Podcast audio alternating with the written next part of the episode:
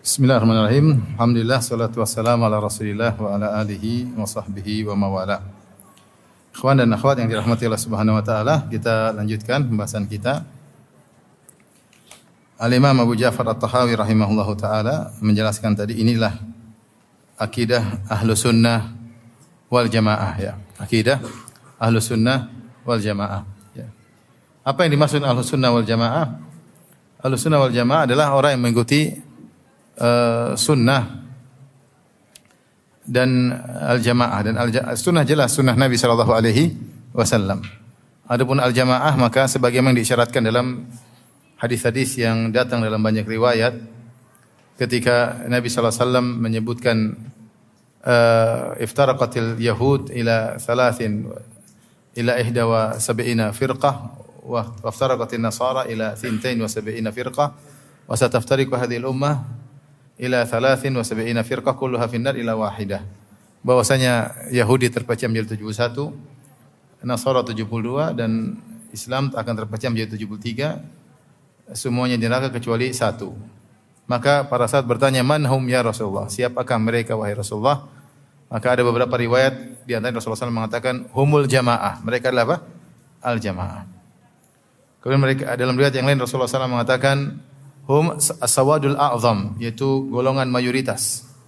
Golongan mayoritas. Kemudian lagi dalam riwayat hum mangkana ala mithli ma ana alaihi al ashabi yaitu orang yang berada di atas jalanku dan jalan para sahabatku pada hari ini.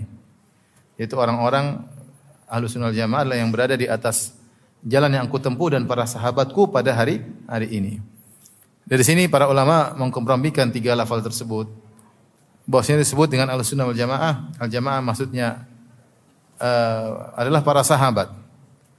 Asawadul a'zam golongan mayoritas maksudnya di zaman itu. Yang mayoritas di zaman Nabi siapa para para sahabat. Apalagi dengan tegas Rasulullah SAW mengatakan mangkana ala mislima ala alaihi yaum ashabi. Itu orang-orang yang berjalan di atas jalanku dan para sahabatku pada hari ini. Itulah uh, ahlu sunnah wal jamaah dan akidah mereka lah yang dijadikan uh, patokan oleh para para ulama. Makanya tadi Ibnu Taimiyah mengatakan akidah bukan diambil dariku tapi diambil dari Al-Qur'an dan Sunnah dan apa yang disepakati oleh para salaf, oleh para salaf. Oleh karenanya dalam suatu diskusi perdebatan antara Al-Imam Ahmad, Ahmad bin Hambal dengan Ahmad bin Abi Duat. Imam Ahmad bin Hambal tokoh Ahlu Sunnah.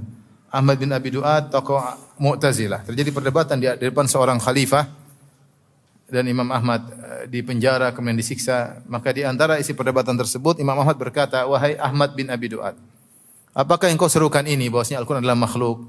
Pernah disuruhkan oleh Rasulullah sallallahu alaihi wasallam?" Kata tidak pernah.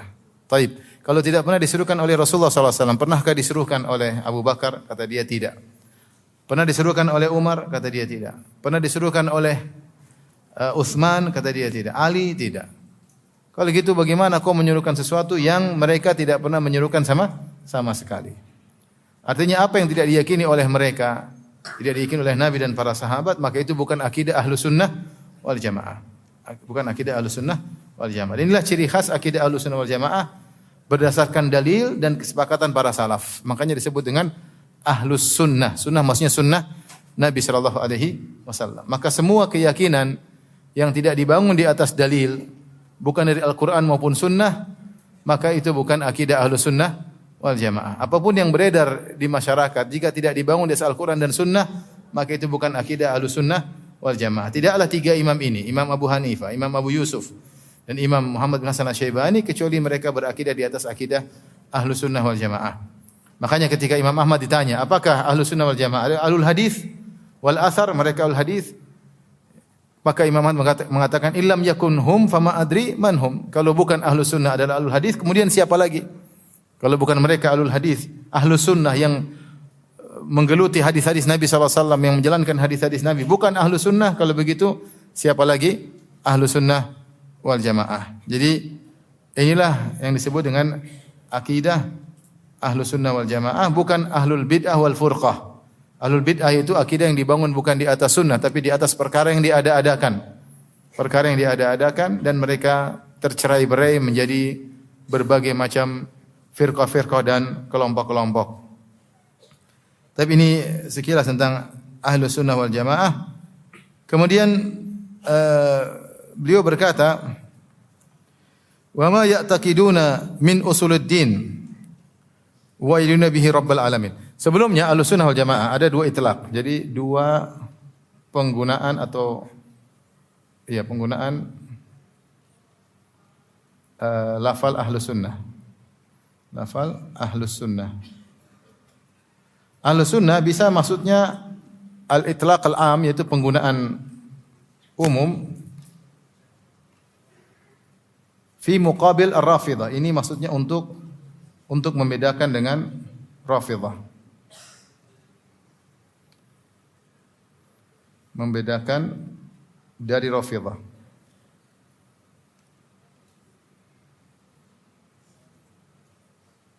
Kemudian itlaq al-khas, penggunaan khusus. adalah untuk membedakan dengan untuk membedakan dengan ahlul bidah. Membedakan dari ahlul bidah. Firqah-firqah bid'ah. Tapi yang dimaksud dengan ahlu sunnah penggunaan umum maksudnya adalah yang menyetujui uh, khulafa ar-rasyidin yang memandang sahnya memandang sahnya al khulafa ar-rasyidun al-arba'ah ya. Khulafa ar-rasyidin kalau kita khulafa ar-rasyidun ya. Ini menyelisih Rafidah Rafidah yang hanya mengakui khilafahnya Ali yang hanya mengakui khilafahnya Ali. Adapun Ali bin Abi Thalib ya. Adapun Abu Bakar, kemudian Umar, Utsman dan yang lainnya, maka mereka tidak setuju bahkan mereka mengkafirkan tiga khulafa tersebut. Mereka tidak mengakui sahnya kepemimpinan Abu Bakar. Mereka tidak mengakui sahnya kepemimpinan Umar. Mereka tidak mengakui sahnya kepemimpinan Utsman bin Affan. Yang mereka akui cuma siapa? Ali bin Abi Thalib. Nah, kalau disebut ahlu sunnah secara pemahaman umum, maka semua yang menyelisih rafidah disebut ahlu sunnah.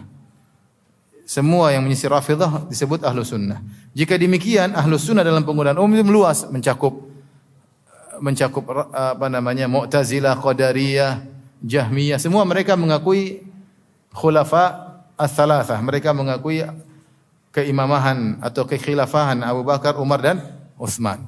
Maka kalau ahlu sunnah dalam penggunaan umum maksudnya ahlu sunnah itu bukan rafidah. Dan ini yang terjadi sekarang misalnya di Eropa, kalau kita ketemu orang muslim, misalnya dia tanya, sunni atau syi'i? Biasa. Kalau kita bilang sunni maksudnya bukan apa? Bukan syiah, bukan maksudnya salafi, asy'ari atau maturidi, bukan. Sunni maksudnya bukan apa? Bukan Ini dan ini hal biasa. Kawan-kawan ke Eropa bukan suatu yang disembunyikan. Kamu sunni apa syi? Sunni. Maksudnya ini penggunaan ahlu sunnah makna apa? Oh, umum. Siapa ahlu sunnah? Yaitu yang mengakui tiga khilafah sebelum Ali bin Abi Thalib. Abu Bakar, Umar dan Utsman. Dan penggunaan ini masih berlaku sampai sekarang. Terutama di uh, misal di Eropa yang biasa orang terbuka ditanya seperti ditanya misalnya Protestan atau Katolik biasa, mau Katolik misalnya. Tanya, sunni syi'i? Sunni. Oh, berarti dia tahu bagaimana bermuamalah. Waktunya sholat harus sholat bareng atau tidak. ini sehingga mereka bisa mengambil sikap yang sesuai dengan lawan bicara mereka. Dan itu biasa. Ya. Dan itu biasa. Ini penggunaan lafal ahlu sunnah secara umum. Maka masuk dalam penggunaan ahlu sunnah secara umum semua firqa-firqa yang ada. Mau Mu'tazilah, mau Jahmiyah, mau Asyairah, mau Maturidiyah, mau Sofia, apa saja semuanya ahlu sunnah. Karena semuanya mengakui kekhilafahan tiga uh, khulafa, tiga khalifah sebelum Ali bin Abi Thalib. Adapun penggunaan khusus, penggunaan khusus maksudnya untuk membedakan dengan firqah-firqah bid'ah. Yaitu yang tadi yang disebut, yang sebutkan saya tadi, ahlu sunnah wal jamaah yang berpegang dengan pemahaman Al-Quran dan sunnah sesuai dengan pemahaman para salaf. Yang tadi Imam Ahmad berdalil melawan Mu'tazilah. Dia mengatakan, yang kau seru ini, apakah pernah disuruhkan oleh Rasulullah, Abu Bakar, Umar, Uthman, Ali? Kalau enggak, berarti itu bukan pemahaman ahlu sunnah wal jamaah. Ya. Dan itu mi'yar atau itu adalah barometer kita untuk mengenali suatu akidah benar atau tidak. Kalau ada yang menyuruh sesuatu misalnya, apakah ini pernah disuruh oleh Rasulullah, Abu Bakar, Umar dan Utsman? Kalau enggak, saya enggak, enggak perlu saya berkeyakinan seperti seperti itu. Saya tidak perlu berkeyakinan seperti seperti karena keyakinan sebagaimana ibadah saya harus uh, selektif dan harus tahu mana yang harus saya lakukan dan yang tidak, yang tidak perlu. Demikian juga akidah, apalagi apa? Akidah, apalagi akidah. Nah, yang dimaksud oleh Al-Imam Abu Ja'far dalam risalah akidah tauhid maksudnya ini penggunaan khusus. Karena beliau ingin membedakan ahlu sunnah dengan firqah-firqah yang lainnya. Paham? Seperti tadi yang kita sebutkan. Ya. Tadi beliau sebutkan apa? Musyabbihah. Kemudian apa? Jahmiyah. Mu'tazilah. Di akhir tadi yang kita sebutkan. Seperti apa tadi? Jahmiyah. Jabariyah. Terus? Terus siapa lagi tadi? Qadariyah. Sama Musyabbihah.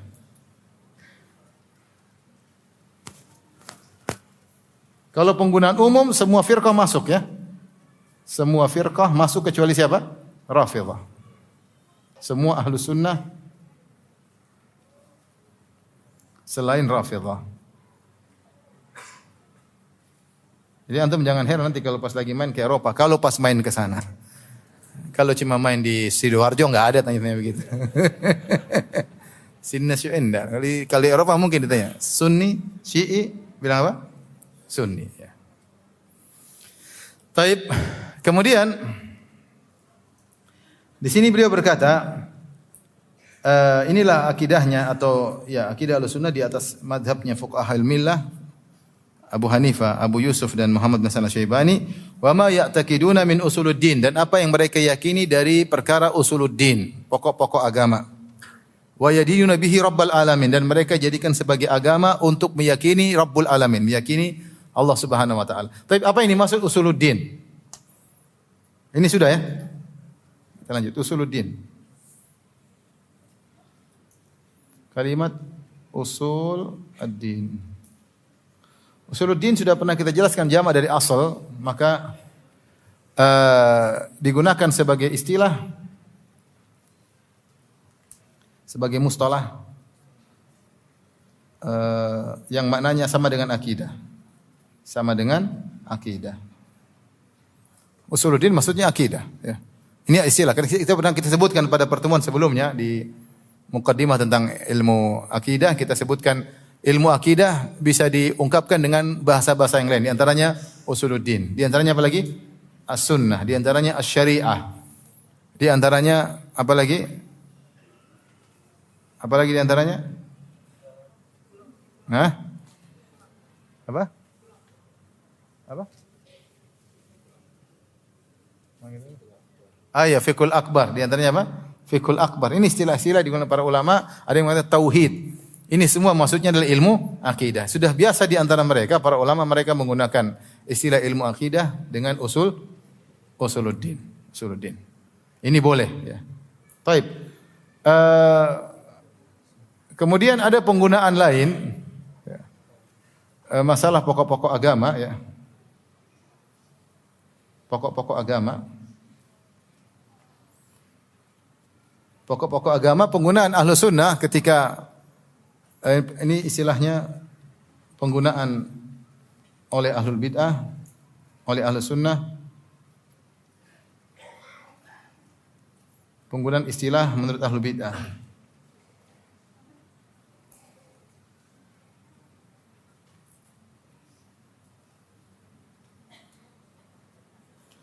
pokok-pokok agama. Nah, ahlu sunnah ketika bicara tentang usuluddin, maksud mereka adalah perkara-perkara yang mendasar dalam agama.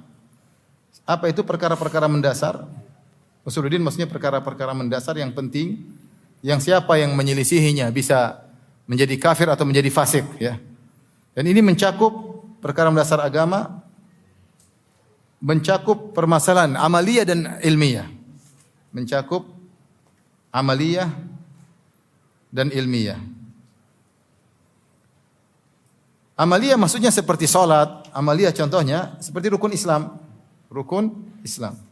Rukun Islam termasuk usuluddin atau tidak? Usuluddin. Orang kalau tinggalkan salat bisa kafir. Khilaf paling tidak dikatakan pelaku dosa besar. Sebenarnya mengatakan kafir ya. Jadi ya, usuluddin perkara-perkara agama termasuk bukan cuma perkara-perkara akidah. Amal ilmiah maksudnya apa? Keyakinan. Nah, ahlu sunnah tidak membatasi usuluddin hanya pada perkara keyakinan saja. Paham? Tapi juga termasuk perkara-perkara amalan yang merupakan perkara-perkara besar disebut juga dengan apa?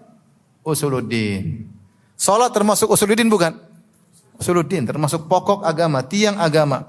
Yang pertama dihisap oleh Allah dari amal seorang hamba pada hari kiamat kelak adalah apa? Salat.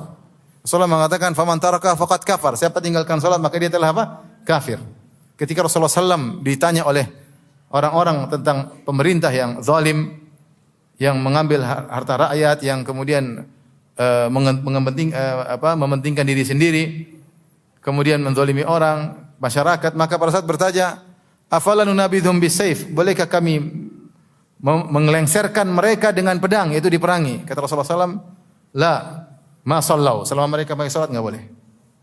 Dalam riwayat ma aqamu fikum salat, selama mereka masih menegakkan salat maka tidak tidak boleh. Maka salat perkara agama jelas, perkara penting termasuk usuluddin di antaranya rukun Islam.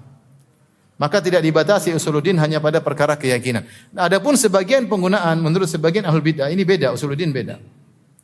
Mereka ada ada uh, apa namanya? penyimpangan ya. Penyimpangan yang mereka lakukan di antaranya satu mereka memasukkan yang bukan perkara agama sebagai usuluddin. Yang bukan perkara agama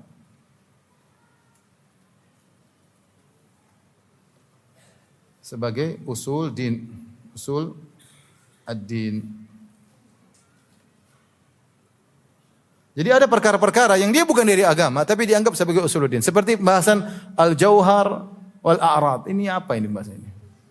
Ini pembahasan kita dapat dalam sebagian buku-buku akidah. Ini pembahasan pertama untuk mengetahui rob itu ada atau tidak. Mudah-mudahan kita akan bahas nanti. Meskipun agak berat. Untuk mengetahui rob ada atau tidak seorang harus paham itu apa itu jauhar dan apa itu a'rad. Antum paham atau tidak? Berarti antum belum mengerti Tuhan itu ada. Benar ini mereka membangun untuk meyakini Tuhan itu ada. Antum harus paham apa itu al-jauhar dan apa itu apa? Al-a'rad. Ini bukan masalah agama, tidak pernah dibicarakan oleh Abu Bakar, Umar dan Utsman dan Ali. Kenapa sekarang harus dipelajari oleh seorang untuk mengetahui Rob itu ada harus tahu al-jauhar dan apa? Al-a'rad. Ini bukan perkara agama tapi dimasukkan dalam usuluddin, bahkan dibangun di atasnya masalah kafir atau tidak. Sehingga mereka kemudian membahas tentang awal wajib alal mukallaf. Kalau ada seorang masuk Islam, apa yang harus dia pelajari dulu? Ada yang mengatakan an-nazar, harus mengamati. Mengamati maksudnya memahami kaidah ini. Al-jauhar wal a'rad yang sebut mereka sebut dengan dalil a'rad. Jauhar itu apa? A'rad itu apa? Jisim itu apa? Ini wah rumit ya. Kemudian ada yang berpendapat al-qasdu ila nazar, ada yang mengatakan juz'un minan nazar, ada yang mengatakan syak. Mereka saja khilaf tentang awal mukallaf awal wajib alal mukallaf yang pertama wajib bagi mukallaf. Tapi intinya ini contoh perkara yang bukan dari agama dijadikan sebagai apa? Usuluddin. Yang mereka bangun di atas ini masalah kafir atau tidak. Sampai di antara mereka saling membantah. Di antara perkataan ini dari Ibnu Jauzi, dia meskipun dalam Talbis Iblis dia mengatakan Jauhar A'rad, apakah Abu Bakar mengetahuinya?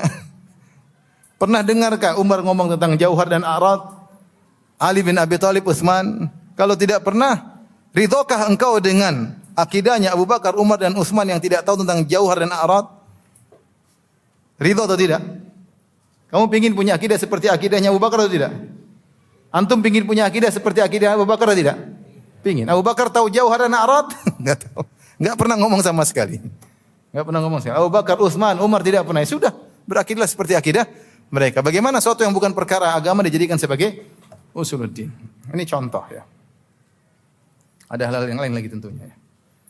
Ini bukan usuluddin dianggap sebagai usuluddin. Terus uh, berikutnya di antara kesalahan-kesalahan mereka, mereka membatasi membatasi ilmu usuluddin hanya pada ilmiat. Membatasi usuluddin pada perkara-perkara ilmiah. Ilmiah, maksudnya keyakinan. Padahal kita tahu bahwasanya usuluddin bukan terbatas pada perkara keyakinan saja. Benar, keyakinan adalah perkara usuluddin. Tetapi ada perkara-perkara amalia yang juga merupakan usuluddin. Seperti sholat. Sholat usuluddin atau bukan? Usuluddin. Usuluddin. Dan ternyata dalam perkara keyakinan pun ada furu, furuuddin bukan usuluddin. Masalah-masalah yang detail-detail yang yang yang yang dakik, yang detail-detail itu bukan usuluddin. Artinya orang tidak tahu juga tidak jadi masalah. Mungkin dia belum belajar, nggak ngerti. Sampai para sahabat khilaf dalam masalah furu akidah tadi saya sebutkan. Contoh mereka khilaf tadi. Mereka semua sepakat ada namanya azab kubur, mereka sepakat. Tapi apakah al-mayyit yu'adzab bibukai ahlihi? Apakah mayat diadab gara-gara ada keluarga yang meratapinya? Ini khilaf di kalangan para sahabat. Contoh ini khilaf dalam masalah furu akidah, paham? Cabang akidah yang detail-detail.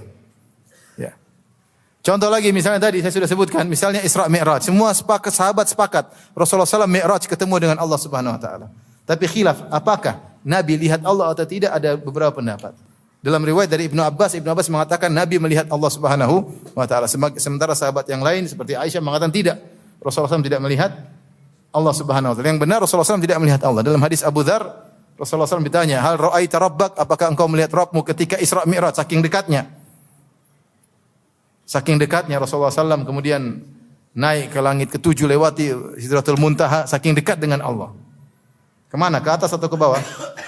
Ke atas. Kemudian saking dekatnya ditanya, apakah engkau hal ra'aita rabbak? Apakah anda melihat Allah? Kata Nabi wasallam, nurun anna arahu. Ada cahaya yang menghalangi. Bagaimana saya bisa melihat? Yang benar Rasulullah SAW tidak melihat. Nah, kemudian dibawakan perkataan Ibnu Abbas, Rasulullah melihat Nabi artinya ru'yah qalbiyah itu dengan hatinya, bukan dengan matanya. Sehingga sebagian ulama mengatakan sebenarnya tidak ada khilaf. Maksud Ibnu Abbas, Nabi melihat Allah maksudnya penglihatan apa? Hati. Tapi intinya ada khilaf di kalangan para salaf. Ada beberapa permasalahan dikumpulkan oleh sebagian ulama tentang masalah-masalah cabang akidah. Itu bukan usuluddin. Sehingga tidak dibangun di atasnya tafsik apalagi takfir. Enggak ada memfasik-fasikan, enggak ada membid'ah-bid'ahkan, enggak ada mengkafar-kafirkan. Padahal masalah akidah. Karena dia masalah apa? Furu. Furu akidah. Jadi tidak benar membatasi namanya usuluddin masalah ilmiat, masalah keyakinan. Adapun masalah amaliyat, furu. Secara mutlak tidak demikian. Yang benar ada di antara masalah ilmiah yang asal dan ada yang fara. Ada yang usul, ada yang furu. Demikian juga masalah amaliyat, masalah amalan keseharian, ada yang usul seperti salat, zakat dan ada yang furu seperti ibadah-ibadah yang lainnya. Ya. Tapi ini uh, di antara penggunaan istilah uh, usuluddin. Yang dimaksud oleh Abu Ja'far At-Tahawi ini maksudnya. Ketika dia mengatakan usuluddin maksudnya mustalah akidah. Usuluddin maksudnya sama dengan apa? Akidah. Faham? Saya tadi jelaskan mustalah ahlus sunnah terbagi menjadi dua, ya atau tidak? Istilah khusus sama istilah apa? Umum. Yang digunakan oleh Abu Ja'far At-Tahawi dalam risalah Akidah Tahwi yang mana? Istilah khusus, istilah khusus. Demikian masalah usuluddin. Ada dua penggunaan. Penggunaan maksudnya usuluddin sama dengan akidah dan ada usuluddin maksudnya pokok-pokok agama. Maka yang dimaksud oleh Abu Ja'far At-Tahawi yang mana? Usuluddin maksudnya sama dengan apa? Akidah. Karena yang dia bahas semuanya akidah, tidak ada masalah salat. Semuanya dibahas adalah masalah akidah. Paham? Tapi kita lanjutkan. Kemudian beliau berkata dalam paragraf ini beliau berkata wa yadiduna bihi rabbal alamin. Dan inilah yang mereka yakini tentang Rabbul Alamin. Ini peringatan bagi kita, peringatan bagi kita bahwasanya kita tentang Allah pun kita harus agama yang benar. Sebagaimana kalau kita beribadah, ya, mau sholat, mau bayar zakat, mau haji, mau umroh, kita belajar agar ibadah kita benar. Agar kita benar, ibadah kita benar. Apalagi masalah usul akidah seperti ini. Tentang hari kiamat, tentang memandang wajah Allah, tentang banyak hal. Tentang alam barzah. Ini semua kita harus yakini. Nah, keyakinan itu butuh belajar. Untuk bisa meyakini itu butuh apa? Belajar. Butuh duduk, bermajelis, membaca ayat-ayat, membaca hadis-hadis, penjelasan para ulama. Maka sebagaimana kalau antum duduk belajar tentang fikih solat, antum merasa dapat pahala, antum belajar fikih haji, antum merasa dapat pahala. Apalagi ketika antum menerapkannya, antum merasa dapat pahala, belajar dapat pahala, apalagi menerap. Demikian juga masalah akidah. Akidah kita harus apa? Belajar. Sehingga merasuk dalam dada, kokoh dalam dada, kemudian kita yakini dalam keseharian kita. Nah, ini tidak boleh sembarang kita berakidah. Kita nggak boleh berakidah tentang Allah sembarangan. Harus berakidah dengan akidah yang benar. Maka kalau kita duduk di sini, kita sama-sama belajar, kita sedang beribadah. Perhatikan ya. Bukan ibadah sembarang, kita sedang bela bukan belajar fikih umrah, fikih haji, kita belajar tentang bagaimana meyakini Rabbul Alamin. Allah itu bagaimana yang seharusnya kita yakini. Yang nanti kalau kita meninggal kita bertemu dengan Allah dengan akidah tersebut. Tidak boleh sembarang apa? Akidah. Tapi harus akidah yang dibangun di atas dalil yang di, yang diinginkan oleh Allah dalam Al-Qur'an dan diinginkan oleh Rasulullah wasallam dalam hadis-hadisnya yang telah disepakati oleh para salaful ummah. Para salaf telah menyepakati akidah tersebut itu yang ingin kita yakini. Mau tidak mau kita harus belajar tentang akidah. Harapan saya kepada ikhwan dan akhwat sabar ya. Belajar akidah ini butuh apa? Sabaran. Nanti kalau kita yakini, kemudian kita bawa dalam kehidupan sehari-hari, kita dapat argo pahala karena keyakinan itu mendatangkan pahala. Keyakinan yang benar mendatangkan apa? Pahala. Tidak boleh sembarang berakidah. Maka sampai di sini saja kajian kita. Kalau terlalu banyak nanti antum hang ya. ya. Insya Allah nanti kita pertemuan lagi mudah-mudahan bulan depan. Mudah-mudahan. Ya. Baik, demikian saja kajian kita. Insya Allah kita lanjutkan kesempatan yang lain. Subhanakallah bihamdik asyhadu an la ilaha illa anta astaghfiruka wa atubu ilaik. Assalamualaikum warahmatullahi wabarakatuh.